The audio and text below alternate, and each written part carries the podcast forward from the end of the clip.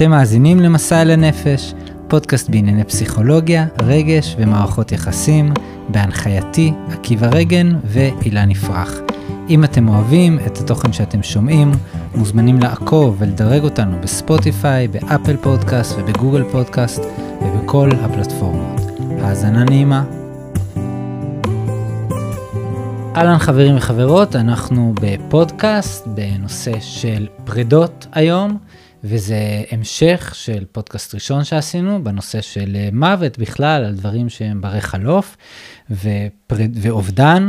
שבפרק הקודם יותר התעסקנו באובדן ממשי של מוות, Mm-hmm. ואבלות במובן הקלאסי שלה. בפרק הזה אנחנו נדבר על אה, משהו רחב יותר. משהו קצת יותר רחב. ובאמת אה, הספרות הפסיכואנליטית בנושא גם מתחילה בצורה מסוימת ב- ב- באופן רחב. כי כשפרויד כותב את המאמר המפורסם שלו, אבל ומלנכוליה, אז כשהוא מדבר על אבל, הוא לא מדבר בהכרח על אבל של מישהו שנפטר, הוא מדבר על אבל של אובדן כלשהו, זה יכול להיות uh, החל מהדימוי העצמי שלך, לגבי תפיסת העולם שלך, uh, לגבי uh, זה שהפסקת לעבוד בעבודה מסוימת, פיטרו אותך, התפטרת, אז uh, יש אין סוף לאובדנים. ובמאמר הראשון באמת פרויד מנסה להבדיל בין מה שהוא מכנה אבל, שזה תגובה בריאה לאובדן, שקצת נגענו בפעם קודמת, ומלנכוליה, שמלנכוליה זה מה שהיינו היום מכנים דיכאון, ומלנכוליה עבורו זה אבל פתולוגי, כלומר תגובה לא בריאה לאובדן, תגובה לא בריאה לפרידה. אמ, אז בואו ננסה להבין איך הוא מתאר אה, מלנכוליה, למה דיכאון קורה, ואיך הוא מבדיל את זה בין אבל רגיל. כל ההבדל הפשוט הוא שהוא אומר שבמלנכוליה, כמו שהזכרנו בפרק הקודם, יחד עם תופעות נמצאות גם באבלות רגילה, כמו אה, אובדן חשק ועייפות ודכדוך, ואיזה הימנעות מהחיים, אה, אז יש את זה בשניהם. במלנכוליה יש גם פגיעה בדימוי העצמי, הלקאה עצמית, הנזיפה העצמית, ממש. אה, אה, והוא מסביר את התוקפנות העצמית הזאת בצורה מאוד אה, מעניינת. זה דרך אגב קדם למאמרים שלו על המודל המבני. פה בעצם פרויד התחיל להניח את היסודות של משהו שקוראים לו סופר אגו, שזה איזשהו קול ביקורתי בתוכנו שהוא מצליף בנו. והוא אומר שבדיכאון, בניגוד לאבל, דבר ראשון, באבל אתה יודע מה הלך לך לאיבוד. הוא מתחיל עם זה. והוא אומר שבדיכאון אתה לא יודע מה הלך לך לאיבוד. אתה, יודע, אתה לא יודע מי הלך לאיבוד, או אתה לא יודע מה עבד לך באיבוד ביחס אליו. בדיוק, וזה כבר התחלה מעניינת, ואני חושב שפרשנות פשוטה על זה שאפשר להגיד, שגם אשתך הציעה, שבהרבה יותר קל לי כשאני יודע מה עבד לי, שאני יכול להגיד, אה, אוקיי, אני עצוב, כי דוד נפטר מהעולם, אז יש איזשהו גם לגיטימציה עצמית, וכשאני לא יודע בדיוק מה הלך לאיבוד, אני לא יודע למה אני לא קם מהמיטה בבוקר, אמ, אז יש איזשהו פחות לגיטימציה ויותר אשמה על עצם זה שאני מדוכא. אז זה כבר משהו שאנחנו יכולים אה, להניח אותו ברקע כאיזשהו הקדמה לתוקפנות העצמית שנמצאת בדיכאון, שהיא לא קיימת באבל בהכרח. כן, שזה מאוד מאוד חזק, ה- הילה ככה תיארה את זה, שבשלב מסוים סביב אה, התקרבות שלה לגיל אה, 50, התחילה להרגיש דיכאון, Mm, והיא לא כל כך הבינה למה. מהמם. עד שהיא פגשה מישהי, שהיא בגיל שלה, היא אמרה לה, תשמעי, אני בדיכאון, כי אני מבינה שאני כבר לא אוכל ללדת יותר. Mm, וואו. וזה משהו שאני לא הצלחתי להבין, אה, ואולי גם החברה אין לה לגיטימציה לזה.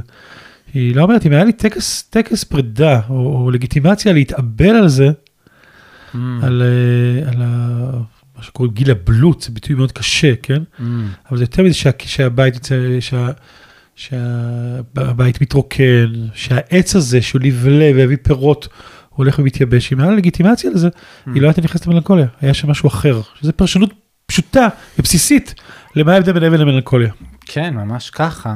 ועכשיו אני מבין את זה שבעצם התהליך התרפויטי שלנו, הרבה פעמים הוא לעשות בדיוק את זה, להמשיג מה הלך לי לאיבוד. אם אני מסוגל להגיד מה אני מרגיש, לתת מילים למה עובר עליי, במקום מסוים אני נותן לעצמי הכרה במה שאיבדתי, במה שקשה לי, וזה, עצם זה מרפא אותי, עצם זה שאני מסוגל להגיד, אני אה, כן מרגיש שאני אה, הייתי דורסני אתמול. אה, יש לי מילה, דורסני, אני מבין מה איבדתי, איבדתי תחושת העדינות אולי. אז על כל פנים, זה דבר מאוד מאוד בסיסי עבור פרויד בלהמשיג את ההבדל בין אבל למלנכוליה. שמלנכוליה הוא לא יודע אה, מי עבד לו או מה עבד לו ביחס אליו. כן. באבל הוא יודע. כן, זה אומר שגם אם אני יודע לכאורה מי עבד לי, כן, לשתי אנשים אה, חס וחלילה אה, פיטרו אותם מהעבודה, אבל אחד מצליח להמשיג את זה, מה בדיוק הלך לו לאיבוד, והשני לא. אז הש... הראשון יוכל להתגבר על זה בצורה יותר בריאה. עכשיו, פרויד אומר עוד משהו, לגבי ההבדל אה, בין אבל למלנכוליה. הוא אומר שאנחנו נעשים מדוכאים באובדן כשהיחסים שלנו עם מה שאיבדנו או עם מי שאיבדנו, נדבר על בני אדם, נראה לי זה קצת יותר פשוט להבין את זה. כן. כן, אה, שהיחסים איתו הם היו אמביוולנטיים, ככה הוא קורא לזה, שזה, אפשר להגיד את זה בשפה פשוטה, זה שהיה משהו לא פתור שם, ובשפה פרוידיאנית ממש, זה שפרויד אומר שיש לנו יחסי שנאה אליו, שהם לא פתורים, שהם לא מעובדים. שבמקביל לאהבה יש גם יחסי שנאה. יש יחסי שנאה. שזה בעצם. בכלל אמירה חזקה, mm-hmm. שאהבה ושנאה הם לא שני הפכים, שההפך מאהבה אולי זה אדישות. אה, שההפך מאהבה זה אדישות. כן. שבדרך כלל בתפיסה הפרוידיאנית הם באמת באים ביחד, אהבה ושנאה. כן, ממש. אה, מתקיימים במקביל. אבל אה, האובייקט הספציפי שעבד, שמייצר מלנכוליה, זה אובייקט שיש שם יחסי שנאה אהבה. שוב, במובן מסוים, כל מערכת יחסים יש בה אמביוולנטיות, אבל נשמע שהוא מתאר משהו מורכב יותר, עמוק יותר, שיש שם, שיחסי השנאה הם, הם נוכחים שם, וכשהאובייקט עובד, אז קורה משהו שמייצר את המלנכוליה. כן, שאו שהשנאה היא יותר חזקה מאהבה, או שהשנאה היא, היא אני לא מסוגל להכיר בה, היא כזאת לא מודעת, שאני לא מסוגל להתמודד איתה ואיכשהו לעדן אותה, אבל על כל פנים, יש שם משהו לא פתור עם הבן אדם הזה. עכשיו, עבור פרויד באמת המצב הזה שיש לי יחסים אמביוולנטיים עם מישהו, אה, לא פתורים, אז זה גורם לזה שבסופו של דבר יש איזשהו, גם הכחשה של השנאה הזאת, והשנאה הזאת נכנסת ללא מודע שלי, ובסופו של דבר אני כל כך לא פטור היחסים עם הבן אדם הזה שעבד, שבאיזשהו מקום הוא הופך להיות חלק ממני בצורה לא מודעת, ובמקום שאני מסוגל לאבד את השנאה כלפיו, אני כמו מתחיל אה, לתקוף את עצמי. למה לתקוף את עצמי? במקום לתקוף אותו. והתהליך שפרויד תיאר במובן הזה זה שאני כאילו מטמיע את האובייקט לתוכי, את הבן אדם לתוכי, הוא נהיה חלק ממני, הוא נהיה חלק ממני כי אני לא מסוגל להכיר בו בצורה מודעת כמישהו שהוא מחוצה לי, ואז במקום לשנוא אותו אני שונא את עצמי. זה הסבר. צילו, הביטוי, ביטוי שלו, צילו של האובייקט נח על אני. כן. כן. שבעצם אה, אה, כל יחסי השנאה שהיו לי איתו בעצם הופכים לשנאה שלי כלפי עצמי. והוא מתאר את זה שם בצורה שהיא מאוד אה, אפשר להגיד כמו שינוי אישיותי למשל שאני אשנא את עצמי על דברים שהיו קיימים בו על תכונות אופי שלו. אז אם למשל הוא עצלן וזורק על העולם פתאום אני אתחיל להרגיש בעצמי מין אני אשמה אני עצלן אני שונא את העולם. עכשיו זה תהליך קצת מורכב שניכנס לקליין קצת נסביר אותו יותר לעומק אבל הדבר החשוב שאני רוצה להניח ממה שפרויד מתאר, זה שיותר קשה לנו להתאבל על בן אדם, שיש לנו יחסים לא פתורים איתו, אוקיי? שאנחנו לא לגמרי איבדנו בעין את היחסים איתו, וגם את היחסים התוקפניים שלנו. שלא רק, יותר קשה, לא רק שקשה לנו להתאבל על אדם, אלא שבמובן מסוים הקושי שלנו אה, לעשות תהליך פרידה או אובדן, או אבלות מול אדם שיש לנו יחסים מורכבים איתו, אנחנו באיזשהו אופן, זה לא שאנחנו מפסיקים להפנים אותו, שאין mm-hmm. הפנמת אובייקט, יש הדחקה, אלא שיש הפנמת אובייקט, אבל יחד עם כל הרגשות המורכבים, והתוקפנות מופנית פנימה. עכשיו אנחנו עוד לא מבינים, המאמר הזה של פרויד הוא, הוא עלום, הוא, הוא באמת ראשוני, mm-hmm. הוא מניח משהו שאחרי זה קליין פיתחה יחסי אובייקט בצורה עמוקה יותר, mm-hmm. נשברו קולמוסים ולנסות להסביר את המאמר הזה. ואז זה ככה, רק נתנו ככה את הבסיס שלו וננסה להסביר את התהליך הזה של Mhm. האמביוולנטיות שמופנמת ו- והתוקפנות שמכוונת פנימה, נסביר את זה אולי דרך שפה קליינית, דרך כן. אה, מלאני קליין. כן, אז באמת תיארת את ה... איך שמלני קליין המשיכה את פרויד ופיתחה את הרעיון של יחסי אובייקט, שבעצם יחסי אובייקט זה להגיד, הרי אם פרויד בעצם אה, מתאר, זה היה התחלה של תהליך שבו הוא מתאר את קיומו של קול ביקורתי שמופנה כלפי עצמנו, שאת זה הוא בהמשך הקריירה שלו כינה סופר אגו, מה שהוא מתאר את זה, זה שבעצם שבתוכנו יש... אה, אה, קול שתוקף חלק אחר בתוכנו, שתוקף את האני שלנו, תוקף את האיד שלנו, כן? אנחנו בתוך עצמנו מורכבים מקולות שונים, שנמצאים במערכת יחסים ביניהם, שעל פי פרויד זה המודל המבני שלו, סופר אגו, איד ואני. עכשיו, אצל מלאני קליין זה נעשה קצת יותר מורכב. כן, אצלה יחסי אובייקט זה בעצם, היא מתארת את זה, היא חוזרת לשלב המאוד מאוד ראשוני של הילדות שלנו, והיא מתארת את זה שבעצם אנחנו מתחילים את חיינו במין עמידה מול אה, שתי כוחות פנימיים שמרכיבים את העולם הפנימי שלנו. אה, אחד זה כוח מטיב, אוהב, ושנותן לנו ביטחון, והשני זה כוח הרסני, פוגעני, אמ, שבעצם מאוד מאוד מאוד מאוד קשה לנו ליישב את שתי האובייקטים האלה ביחד. זה שיש לנו צדים פוגעניים וצדים אוהבים בתוך עצמנו. עכשיו המפגש הראשון ש, שהיא מתארת בחיים שלנו את, ה, את הסיפור הזה של האובייקטים, הוא במגע עם העולם החיצון, במגע עם האימא, ובשפה הקלניאנית המפגש שלנו הוא בעצם עם מה שהיא מכנה שד טוב, כן, שד שמניק אותנו, נותן לנו ביטחון, תחושה של שייכות, ופתאום השד הזה נעלם, האמא מאכזבת אותנו באיזושהי צורה, וזה מפגיש אותנו עם מה שהיא כינתה השד הרע, שזה אומר הצדדים הפוגעניים שיש בתוכנו, דבר ראשון, אבל גם בעולם, שגם העולם, השד הזה שנעמדתי מולו, הוא לא רק טוב, אלא גם הוא שד רע, וזה מין אה, פיצול בסיסי שיש בתוכנו, שקליין מתארת אותו, וזה בעצם הבסיס לתיאוריה של, של יחסי אובייקט, שכל הריפוי שלנו בעולם הוא היכולת לעשות איזושהי אינטגרציה. בין שתי החלקים האלו, שאנחנו אה, אה, נצליח איכשהו לעכל את החלקים ה... הפוגעניים שיש בנו ויש בעולם, ולדעת שיש אפשרות איכשהו לעבוד איתם, ושהטוב לא בהכרח הולך לאיבוד בגלל הרע. זה על רגל אחת. אז קודם כל אה, סיכמת תיאוריית את זה. מדהים באומנות, יכולת ל- להביא תיאוריה כל כך עמוקה ומורכבת בכמה דקות, זה היה Mm. ממש אליפות. אה, תודה. אה, ואני רוצה לתרגם טיפה את הדבר הזה של האובדן של השד הטוב, Mm, בצורה אה, פשוטה, שיש פה, קודם כל המילה אובדן כבר נמצאת שם, כן, המאמר שאנחנו נכנסנו אליו, הוא, היא בעצם, קליין מתייחסת אל המאמר של פרויד, אבל כן. מלנכוליה, מהמם. ואיך נקרא המאמר שלה? אבל במצבים, אבל ביחס למצבים מנים דיפרסיים. כן, כלומר כבר למה שאנחנו מתארת סביב החוויה של ילד, Mm, של תינוק, היא קוראת לזה אבל. מהמם. ויש משהו עוד לפני שאנחנו נכנסים לכל המורכבות של התוקפנות מול, ה, מול הצדדים הטובים והרעים שבנו, יש משהו קודם כל בחוויה הזאת, Mm, שהשד הטוב, שהמציאות הטובה, המיטיבה, הפנטזיה הזאת, שאנחנו נמצאים בתוך איזה רחם mm. אינסופית, שתמיד תהיה איתנו, תמיד תעטוף אותנו, יש רגע שבו זה נשבר. כן. יש רגע מאוד מאוד קדום שזה נשבר, שזה קליין מתעסקת בחלקים הרגרסיביים הראשונים האלה, Mm, אבל יש כל מיני תחנות שבהם אנחנו חווים שהמציאות השלמה היא לא כזאת שלמה.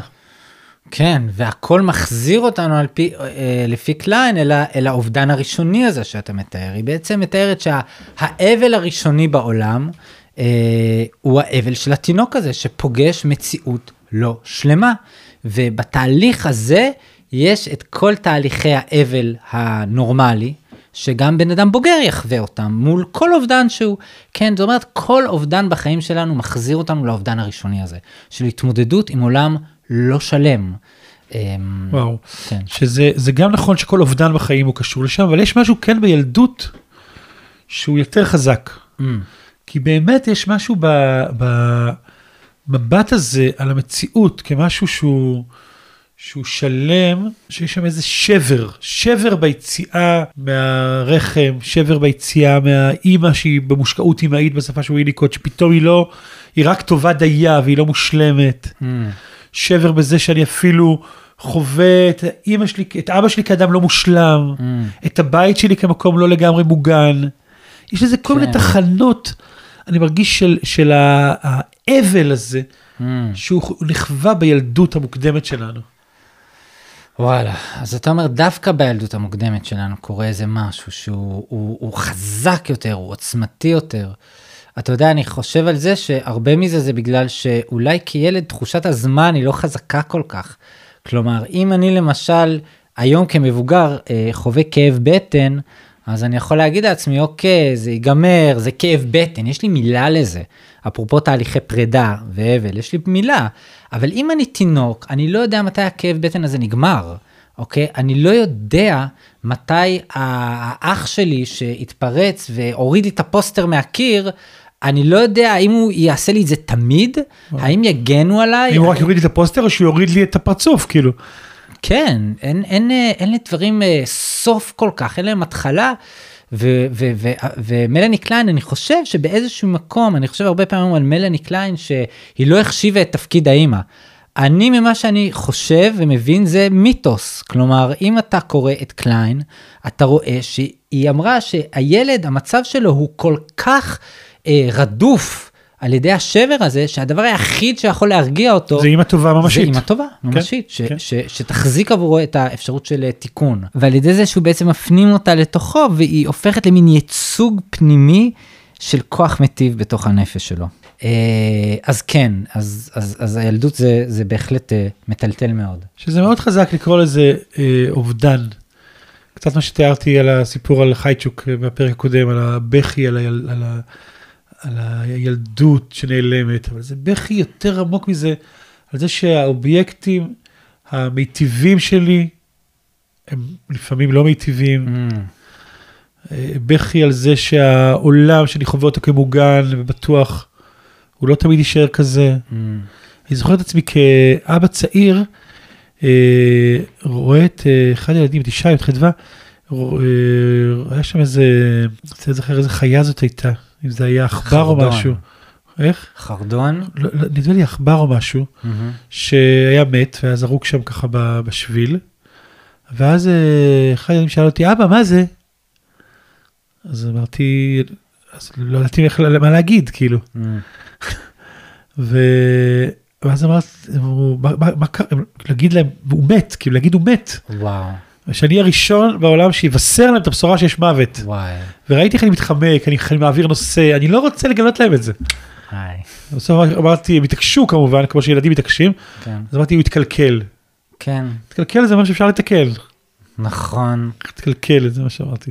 תקלקל. אבל החוויה הזאת גם כאבא, שרוצה לתת לילדים תחושה שהם בגן עדן, Mm, ואין נחש בגן עדן, יש רק, יש רק את, ה, את, ה, את, ה, את האדם וחווה ואת ה, את האלוהים שנמצא שם. אבל פתאום מתגלה שיש נחש, נכון. וזה אובדן. אומר דלני קליין, זה האובדן הראשוני.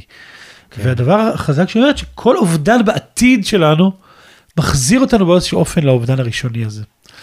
ואיך שאנחנו מתמודד, התמודדנו עם האובדן הראשוני, מהמם. זה דפוסים שאפשר לראות אותם באיך אנחנו מתמודדים עם אובדנים בהמשך החיים. כן, כן, לגמרי. שעבור קליין בעצם ההתמודדות של התינוק אה, עם מה שאתה מתאר מאוד יפה, עם המוות, עם זה שיש מוות בחיים. אה, הרעיון הזה ש, ש, שהטוב יכול להיעלם, שאימא יכולה לפגוע בי, שהאחים שלי יכולים ל- לשדוד אותי, כן, כל החוויות המאוד חזקות האלה, הן מקבלות איזשהו... שהאביבים יכולים לריב, זה בכלל, לריב, איזה, איזה שבר זה. ממש. שהדמויות המיטיבות שלי הן רבות ביניהם. ממש וואי, אתה יודע כמה תיאורים אני שומע מנערים ונערות על, על כמה זה פוגע עליהם, אותם, בהם לשמוע ריב של ההורים. כמה זה, הם, הם מצטמקים במיטה לא לשמוע את הריב הזה, כן? אה, כן, אז השבר הגדול הזה, הם, עבור קליין הדרך בעצם להתרפא מזה, זה לדעת אה, שאתה יכול לשרוד את זה. אה, זאת אומרת שדברים הם לא מתפרקים. זאת אומרת שהרע לא יהרוס את הטוב במילים שלה. זה, בעצם גם קשור בתפקיד של האימא, ביכולת שלי להפנים אותה כאיזה דמות מטיבה בתוכי, ו, וההפנמה הזאת היא בעצם מייצרת אצלי איזה מקום שיוצר אצלי איזשהו אמון במה שהיא מכוונה אובייקטים טובים, פנימיים, כן? שאני מאמין בטוב, אני מאמין באהבה, האהבה לא תיבלע על ידי הרע, ושיש אפשרות לתיקון. לתיקון. שזה מילה של קליין, מילה כן. גבוהה כזאת, תיקון. נכון, אפשרות לתיקון. שזה היעד, אבל בדרך ליעד קורים כל מיני דברים, מול האובדן הראשוני הזה. Mm. אז אחת מהן זה הגנה מאנית, שאני מבין את ההגנה המאנית שמול זה שאני, אה, יש לי כמיהה לאובייקט המיטיב, לאימא בהקשר הראשוני, או לעולם שלם, Mm-hmm. להורים, או, ל, או, ל, או לבית כזה נקי, או לאיזה רחם, Mm-hmm. ואחרי שהכמיהה, שבתוך הכמיהה הזאת יש שם איזו אכזבה או שבר, Mm-hmm. אז אופציה אחת זה באמת להגיד, להיכנס להגנה שהיא במאניה, להיות באיזה היי, Mm-hmm. שאיזה היי זה תחושת אה, גרנדיוזיות פנימית, שאני כל יכול, ואני גדול, ובעצם, בעצם, אני לא צריך, לא כן. צריך. כן. בוא נתרגם את זה כבר למערכות יחסים, כן? חברה שלי זרקה אותי, אז וואלה, היא, כן, אני באמת תכלס, אה, וואלה, מי צריך בכלל מערכות יחסים? או יש הרבה דגים בים, או לא יודע, תגובה מהירה כזאת שאומרת, אני לא צריך, אני לא צריך, ולהגיד אני לא צריך זה בעצם להגיד, אה, אני לא באמת אה, מאוכזב, כן? וזה להגיד אפילו משהו יותר עמוק שקליין אה, תיארה, זה שאני לא באמת, אין לי באמת אה, השתוקקות אל הבן אדם הזה. כן, זה לבטל את כל הכמיהות הפנימיות שלי לא, לאובייקט שאיבדתי באיזשהו מקום, ו, ובאופן הזה, מה, מה זה עוזר לי להשיג בעצם, לפי ההבנה שלך? אני לא חווה אובדן, Mm. לא איבדתי כלום, כי לא היה כלום, כי לא היה שם. כן? לא היה כלום, לכן לא איבדתי כלום. כן, אז משהו אחד זה בעצם אה, הכחשה, ככה יקרא לזה, סוג של הגנה מאנית. עוד הגנה שהיא אמרה זה בוז, אני חושב שאני בז לבן אדם שהלך, הוא ממילא לא שווה כלום. יש ועוד דבר זה אובססיביות. אובססיביות, כן? שאני מבין את האובססיביות שמול האובדן, אני מנסה בכל כוחי להיאחז במציאות הקודמת, כן. השלמה. זה באמת הכחשה, הכחשה של ה... שהמציאות הזו כבר לא תהיה, Mm, שכל הילדי הזה כבר ייעלם, שההורה האמיתי הזה ייעלם, ולנסות להיאחז, כן. כן, ב- ב- באופן אובססיבי, כן, באיזו היצמדות Mm, ל- לאובייקט, לנסות להחזיר אותו להיות רק טוב. כן, זה עוד סוג של תגובה שיכולה להיות להבל הזה, באמת אה, אובססיביות. ובכלל, אני חושב, אם מעמידים את זה באופן כללי, ההגנה המאנית שקליין מתארת, זה בעצם מה שאתה אמרת, זה גרנדיוזיות. זה להגיד, מעולם לא הייתי צריך את זה, האובדן הזה לא משפיע עליי, ההפך הגמור מהדיכאון, אף אחד לא יכול עליי. אה, עכשיו, נתנו תיאורים כאלה בפרקים קודמים שלנו על הגנות מאניות ונכנסנו לזה. אני חושב שבהקשר של הפודקאסט הזה, מה שבעיקר רצינו להתרכז זה ביחס של הנושא של פרידה. איך לפרידה אה, אנחנו מכניסים את הנושא הזה של הגנות מאניות, ואיך זה נהיה משהו שהוא באמת אה, מוביל לדיכאון, כן. אה, וההפך מהאבל הנורמלי. כן, אז קודם כל, באמת אה, קליין אומרת שכל אובדן ופרידה בחיים הבוגרים, כמו שהזכרנו, מחזיר אל החוויה הראשונית, אה, וגם אולי יושב על תבניות ש, שהשתמשנו בהם, על דפוסים והגנות שהשתמשנו בהם ב- ב- באובדנים, באובדן הראשוני הילדי, Mm. ויש לזה הסבר פשוט למה זה. Mm, כי כשאני מאבד מישהו יקר, גם אם זה לא אובייקט אמביוולנטי, אובייקט. מיטיב, אז משהו ב- בייצוג של האובייקט המיטיב הזה בתוכי נחלש, mm. ויש התמוטטות של המציאות הפנימית. כן, שזה בעצם אומר שזה לא רק שאני איבדתי אותו ספציפית, זה שאני איבדתי את כל הטוב הפנימי שאני בניתי בתוכי. אם למשל מפטרים אותי מהעבודה, זה לא רק שאני מתאבל עכשיו, צריך להתאבל על אובדן מקום העבודה שלי. אני בעצם מתאבל על התחושה שיש טוב בעולם, שיש טוב בי. כלומר, כל ההישגים שהיו לי עד עכשיו, כל הדברים המיטיבים שבניתי בתוכי, שמגוננים עליי, מה שקליין מכנה האובייקט הטוב הפנימי, הוא בעצם נעלם ומפנה את המקום שלו לאיזשהו כאוס פנימי, שבו הכאוס עלול להשתלט עליי. ולכן כל אובדן עלול להיות מטלטל במובן הזה.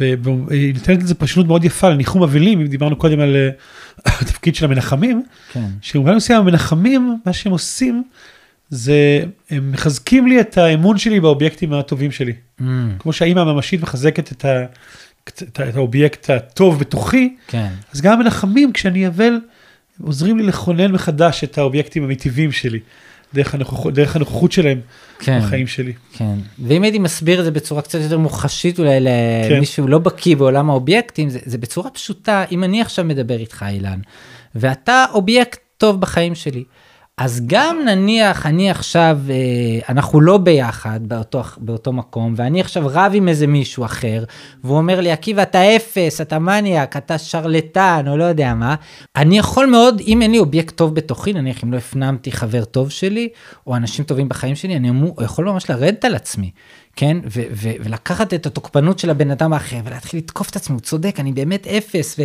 ולהתמוטט, כל העולמי מתמוטט, ועל פי קליין, מה שמחזיק אותנו במידה רבה, זה האובייקטים שהפנמנו, כן? תחושה שיש אה, דמויות בתוכי שהן מגינות עליי גם מפני התוקפנות של אחרים, גם מפני התוקפנות שלי, יש שם איזשהו עמדת מגן. עוד דבר שהוא קוריוז במאמר של קליין, שהיא מתארת אה, שהחלק מהלכונן מחדש את האובייקטים המיטיבים שבתוכנו, זה ל- להוציא את, את, את הפסולת, את, את המקומות הרודפניים, הפוגעניים, השליליים שבי. רצון, רצון להתנקות מהם ולחזק את האובייקטים המיטיביים, אומרת שהביטוי של זה הוא ביטוי סומטי, דרך ההפרשות שלנו, דרך הבכי שלנו, דרך וואו, הנזלת, חזק. שבעצם חזק. בעצם כשאני עושה את התהליך הזה Mm. של הבכי והיציאה של, אני בעצם מנקה את עצמי מכל המקומות האלה, ו- וזה עוזר לי לאט לאט לכונן איזושהי מציאות פנימית שהיא, שיש בה, אה, יש בה יציבות ובריאות. כן, כן, שזה מאוד חזק לי בבכי. כאילו, הבכי זה, זה איזושהי התנקות, התנקות מסוימת מכל מה שהוא הוא רודף אותי ולא פטור בי, כן? וזה ממש מאפשר ל, ל, ל, ל, ל, ל, לתת לטוב שבי איזושהי אה, הפרשה, כמו שאתה אומר, של כל הרוע ש, ש, שרודף אותו. הייתי פעם באיזה אה, סדנת פסיכודרמה של איזה מאסטר כזה בארץ, וזה היה, היו מלא אנשים, והייתה פסיכודרמה על הבמה, ו... והוא הזמין לעב- לעבוד עם מישהי, והיא תוך כדי שהיא עובדת, אז אה, היא התחילה לבכות, ולזלת, והיא אמרה, תביאו טישו, והוא הוא, לא הסכים להביא לה טישו. הוא טוען שהוא הוא- הוא טען שהיא מנסה להדחיק משהו, לעצור משהו. אוי, זה חזק. תני לזה לצאת, תני לזה לצאת. זה היה חוויה קשה לראות את זה, אבל אני, אחרי שקראתי את קליין, פתאום הבנתי את הרציונל של המנחה, הקשוח הזה. כן, זה משהו שצריך, משהו צריך לצאת.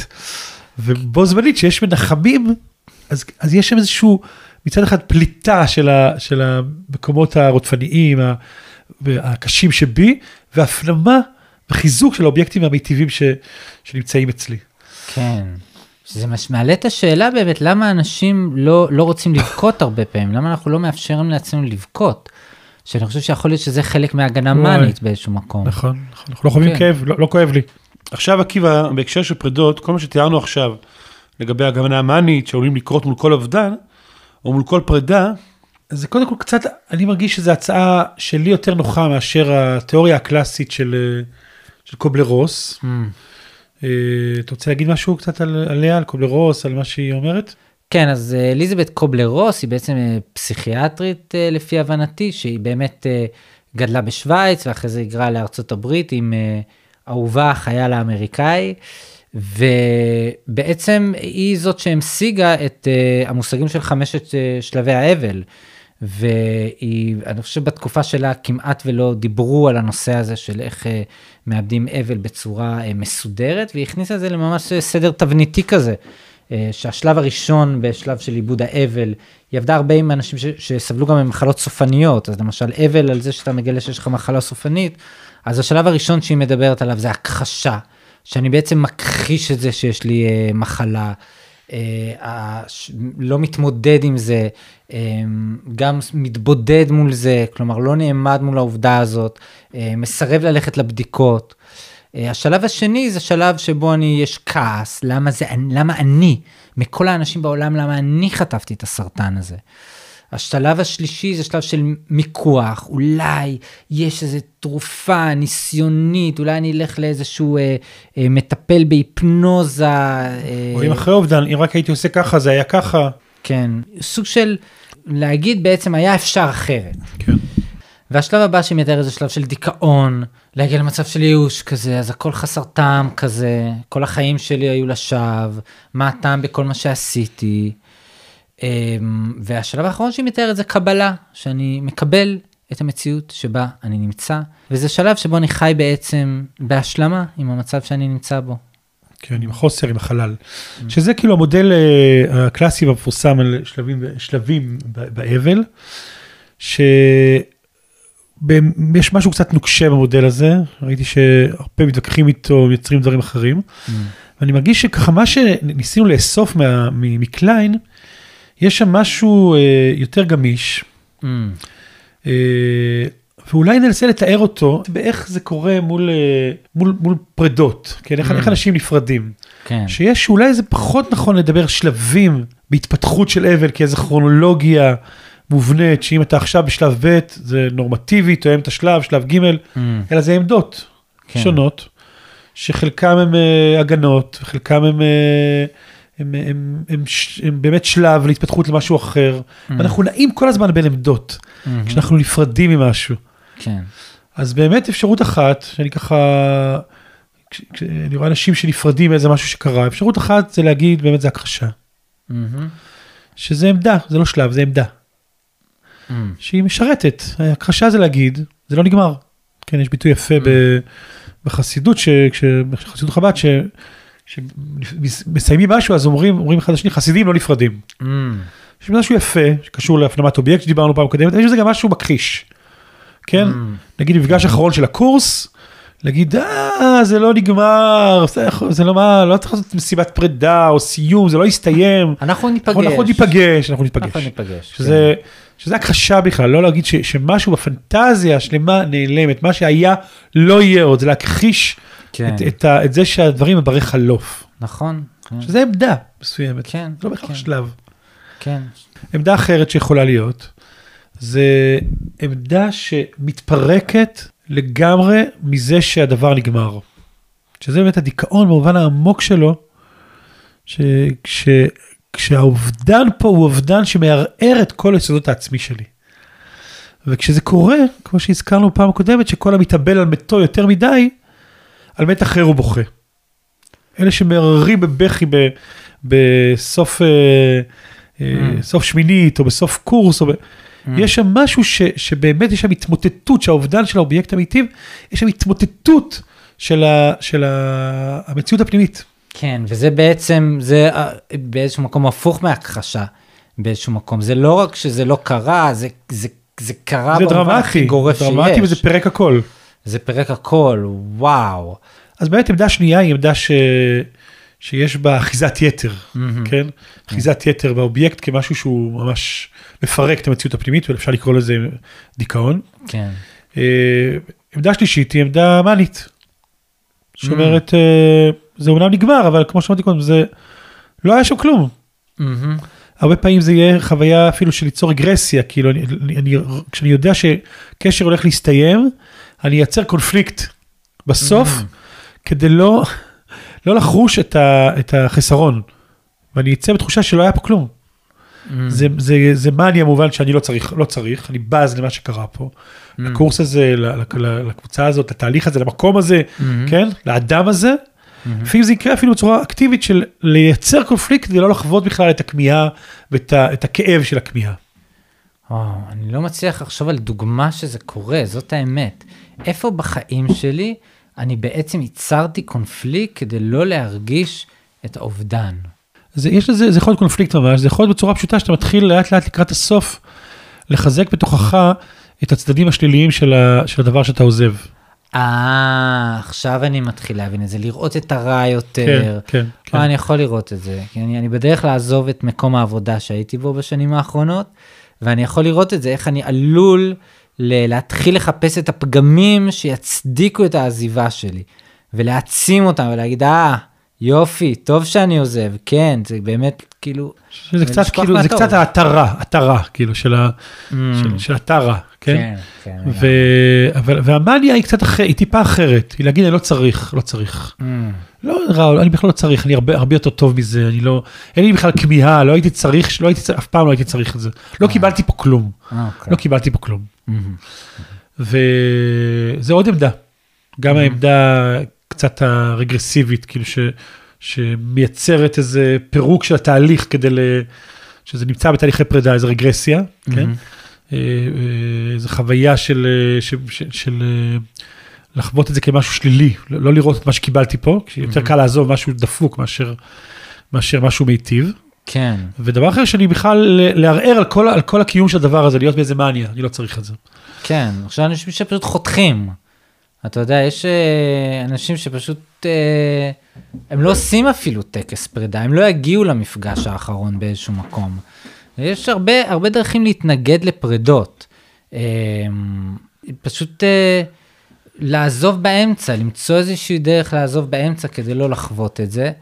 אה, אבל אני חושב שהדרך שהכי אני מכיר את זה, זה בעצם אה, איכשהו להמעיט בחשיבות הדבר עד שאתה יכול לעזוב בלי רגשות אשמה. וואו.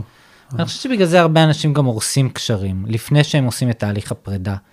אני חושב ממש, אני, אני בדיעבד מבין, למשל שהרגשתי שיצאתי עם מישהי פעם, ואני רק הבנתי את זה שהיא באמת רצתה להיפרד ממני, אבל במקום להיפרד ממני, היא פשוט הרסה, היא פשוט וידאה שהקשר יהיה כל כך נוראי, שיהיה אפשר להיפרד. להיפרד.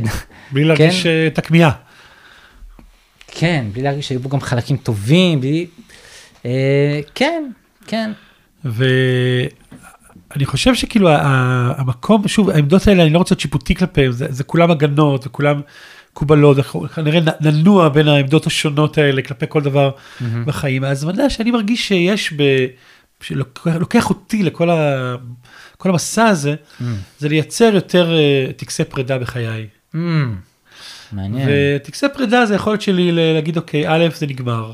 Mm, ולהגיד שמשהו נגמר, זה להגיד שקרה פה משהו, שהיה פה משהו. mm, ו, ו, כי באמת במובן מסוים, אנחנו עלולים להימנע מלחיות בגלל הפחד מהמוות. מהמם. ושאני, כדי לא לחוות פרידה, אני לא אחיה. אני, כדי לא לחוות אובדן, אני לא אהיה בקשר. והיכולת שלי להגיד, אני, אני מוכן, איך, איך אמר פרויד קודם, זה מחיר האהבה. מהמם. כן, המחיר האהבה שיש אובדן. ואני מוכן לשאת אובדן ולשאת פרדות, וכדי לחיות, כדי להיות בקשר. אה, אז אתה אומר שתי דברים בעצם. אתה אומר, גם אתה מוכן לשאת אובדן, אוקיי, שהרבה פעמים אנחנו נמנעים בכלל מליצור קשרים בגלל ש... או, ליצור קשרים, אפילו להתאהב, כן? אנחנו לא מוכנים להרגיש את הכמיהה שיש בתוכנו, וכי זה אומר אה, שאני יכול לאבד משהו גם. נכון. אה, כן. לכתחילה, לא רק שאני עושה הגנה מאנית אחרי האובדן, כן. אלא אני במאניה תמידית, אני אולי נרקסיזם, שזה גם סוג של הגנה, שאני לא, בכלל לא רוצה לפגוש שום, שום דבר כדי לא לחוות את, ה, את האובדן. אני כן. נשאר באיזה מקום מוגן, כי אני רוצה שהדברים לא יהיו אה, ברי חלוף. Mm, אני, כאילו, אני, אני בכלל לא, לא, לא במגע כן. עם הקיום השברירי הזה. כן. הקיום הוא שברירי, החיים הם שבריריים, מערכות יחסים זה דבר שברירי, כן. לכן אני לא אכנס אליהם בכלל. כן. בדיוק התחלתי לכתוב פוסט שמתאר על uh, קצת תהליך של uh, מישהו שהספרים שלו נשארים במגירה. אז אני חושב שזה ממש תהליך כזה שהוא הוא מצב נפשי, שהדברים נשארים במגירה. למה? כי אם אני אתחיל להוציא אותם מהמגירה, את ה...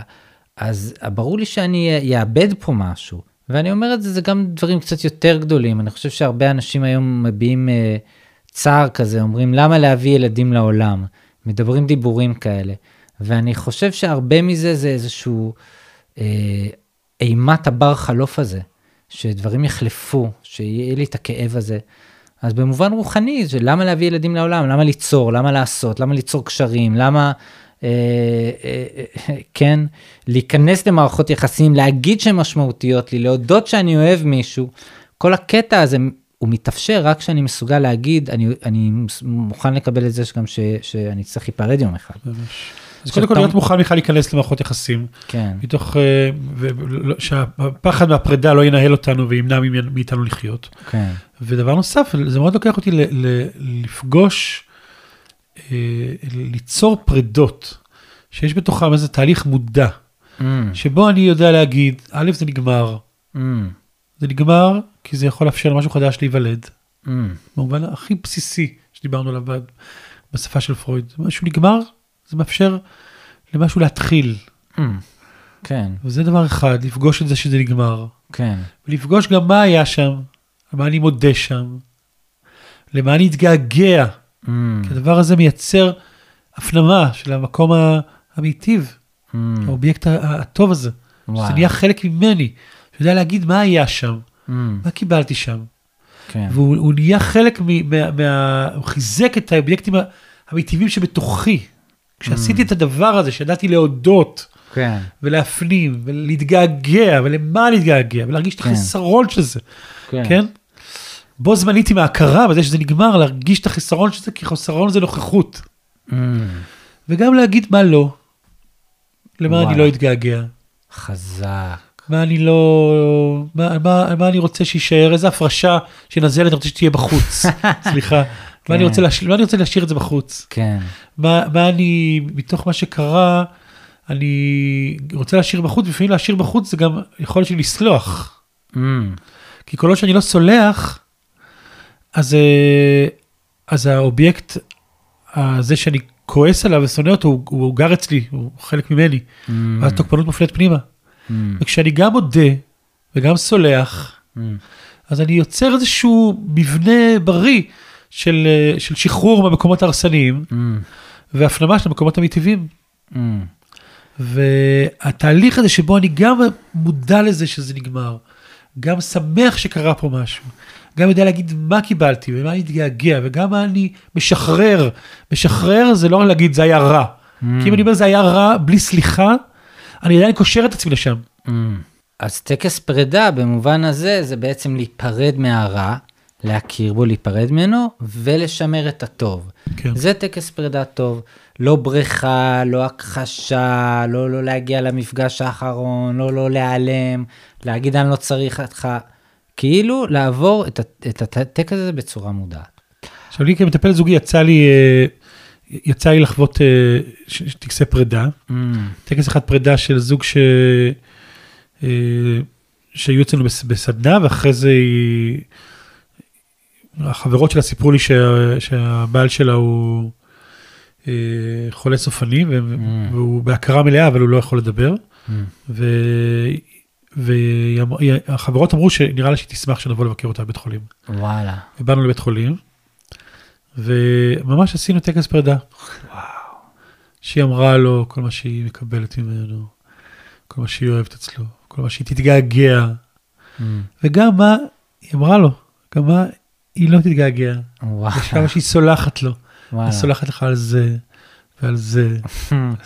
וואו, וואו. הייתה חוויה מאוד חזקה, וגם זוג אחרי גירושין, שבאו ל- לשחרר, לצאת וואו. לחופשי, זה גם לצאת לחופשי וגם להפנים. כלומר, זה בו זמנית, וואי. לייצר איזושהי תנועה ב- באובייקט המיטיב הזה. ואני, עוד משהו שבא לי להגיד בהקשר זוגי, זה שבמובן מסוים כל זוג עובר טקס פרידה ואבלות בשלב מסוים בקשר. מהמם. שיש שלב בקשר שבו אני מגלה שבן הזוג שלי הוא לא רק אובייקט אה, מיטיב, שלם, הפנטזיה הזאת, כן, מתפרקת. מהמם. אני ממש מרגיש שזוגות בשלב הזה חווים תהליך אובדן ואבלות. מהמם. הם מתאבלים על, ה, על הדמות, ה, על האהבה השלמה, שכנראה, לא, ש, לא שהאהבה שלמה, שהדמות השלמה שהם חשבו היא לא רק מיטיבה. מהמם. אני ממש מרגיש איך התהליך הזה שאנחנו מלווים זוגות, כמעט כל זוג עובר את זה, מהמם. מלווים זוגות לעבור את שלב האובדן, מהמם. לא בזה שהם יגידו אתה רע, או אני רע, מהמם. או אני לא צריך אותך, או אני בדיכאון, אחד מהדברים, מהמם. או עדיין אתה, אתה, אתה, אתה, אתה, אני מאוהבת בך כמו שהייתי מאוהבת בך בתחילת הזה, מהמם. כן, לפגוש את הכל, ולאט לאט לכונן איזשהו מקום יותר אה, מורכב בנפש, Mm. שבעומק מאפשר קשר ממשי עם, ה, עם בן הזוג. מעניין. אז זה כאילו להגיד שהפרידה היא הופכת את המפגש לממשי יותר, ממש ממשי יותר. אמ, אז זה ממש מעניין, אני, זה לוקח אותי לשתי מקומות. אני אתחיל מהמקום הראשון, שבעצם הרי כל קשר בתוכו יש הרבה מוות, כן? לא משנה איזה קשר, כל רגע יש בו גם מוות, גם חיים. אם אני, אנחנו מדברים עכשיו ותכננו לדבר על משהו, נושא אחד, ופתאום אני קולט שאנחנו מדברים על נושא אחר, או אני אמרתי משהו שהוא לא בדיוק מה שרציתי, יש פה מוות בחדר. אז השאלה הראשונה שלי זה איך אני באמת מייצר טקסי פרידה ברגע הנוכח, או בדברים הקטנים של החיים. ועוד שאלה שעולה לי, אה, זה, טוב בוא נתחיל אולי בשאלה הזאת. קודם כל טקסי פרידה זה. מאוד חזק, טקסי פרידה, כשאתה מתאר את זה, זה משהו שהוא קורה כל הזמן. אני חושב על תינוקות שלא מוכנים להירדם, Mm, שזה איזה מין אחיזה בקיום, mm, בלי יכולת להיפרד, ולעזור לילדים להיפרד בסוף יום, זה ממש עבודה. וואו, להגיד מה היה, ומה, ומה אני אתגעגע, ומה אני לוקח איתי למיטה וללילה, וואלה. ומה אני מוכן להיפרד, ומה אני סולח. Mm, יש טקסט מאוד יפה ב, ב, ביהדות ש, שמדבר על, קריאת שמע על המיטה, שהוא מתחיל ב, הרי אני מוחל וסולח. mm, כל מי שהכעיס והקליט אותי, זה היכולת שלי ל, להיפרד, mm, לשלום, לנקות את וואלה. עצמי, ולראות מה, מה היה שם טוב. טקסי פרידה, אתה צודק, זה משהו שהוא הוא כל הזמן נוכח בחיים שלנו, יכולת לה- להכיר בזה שהמציאות היא ברת חלוף, mm, היא, היא מייצרת מפגש הר- הרבה יותר אה, ממשי עם, עם הקיום. Mm. מזמין אותנו כל הזמן לעשות תהליכים. כן. זה מזמין אותי לחשוב על אנשים שבעצם לא יכולים להירדם בלילה, אתה יודע, אנשים נשארים עד 12 בבוקר, 1 בלילה עם הפלאפון הזה. כי זה בעצם מה שאתה אומר זה שאנשים קשה להם להשלים עם הפוטנציאל הלא ממומש של היום, המוות שהיה ביום, הם לא הגיעו לקלוז'ר. ובעיות שינה זה בעצם בעיות פרידה. אה, וזה מעניין לחשוב על זה ככה, איך אנחנו יכולים באמת אה, להיפרד מהיום הלא מושלם, או מהרגעים הלא מושלמים, וכל רגע הוא לא מושלם, כל קשר הוא לא מושלם, כדי להביא לאיזשהו סוג של אה, שינה והתחדשות. אתה יודע, עקיבא, שבהקשר של פרידות ואובדנים קטנים שקורים בחיים, עוד דוגמה שפתאום עולה לי, בצרפתית, האורגזמה, קוראים לה לפטיט מור, המוות הקטן. ואפשר להסביר את זה בצורה כאילו שבאמת יש משהו כאילו באורגזמה, בעיקר גברית, יש בה איזה מין אה, התרוקנות ואיזה מין מותשות כזאת שקורית אה, אחר כך. אני פתאום חושב על זה שיש שם גם מוות במובן הזה שהשיא הזה של האחד, של הדבקות הזאת, שהיא רגע, כן, במובן הנפשי, הנשמתי, הפיזי, הוא רגע מאוד מאוד גבוה, ומיד אחריו יש איזה מוות, איזה פרידה, איזה אובדן שקורה. שזה עוד, עוד נקודה לראות את זה. כן, שבתוך אה, חדות החיים נמצא גם אה, פרידה. טוב, מעניין. אבל אה, עשיתי לך חשק ל, ל, לפרידות, ל... כאילו באמת אני, מר- ה- ה- באמת אני מרגיש שיש לי אולי משהו ישיר להגיד לך, שלהיפרד זה, זה, זה להעיז להיות בקשר. אמרתי את זה קודם, ובא להגיד לך את זה באופן ישיר. וואלה. שלהעיז להיפרד זה בעצם להגיד, להגיד, להעיז להגיד, אני, יש, הייתה לי כמיהה אליך. Mm, חזק. הייתה לי כמיהה והיה פה טוב. כן. מדהים, איזה כיף. אז בוא, בוא נעשה טקס פרידה ל... ל... קורה לנו משהו שעכשיו אני מסתכל על השעון ואני רוצה לסיים ואתה ככה עוד מחזיק, נכון? נכון. אז בוא, נ- איך אנחנו, איך אתה רוצה שניפרד? היה לי טוב איתך אילן, היה לי ממש כיף. לא כיסינו את כל הנושאים שהשתוקקתי לכסות, אבל אני חושב שאת מה שכיסינו זה היה הדברים החשובים, ואני מודה לך שעזרת לשנינו להוציא משהו ממש אה, אמיתי לעולם. יש פה גם החמצה שנמצאת בזה שזה נגמר, שלא, כן. אין לנו עוד חמש שעות לדבר על זה, כן, ולא הצלחנו להכניס הכל. נכון. ובכל אופן, אתה אומר, יש פה משהו. כן. מלאני קליין, כל פעם שאנחנו מדברים על קליין זה קורה. שיש בה כל כך הרבה חומר, ותמיד התחושה שלי זה של... אה, זה אינסופי ממש. ממש. מלמדת אותנו לשחרר. אז כן. תודה אילן, תודה, עקיבא. 我要听听听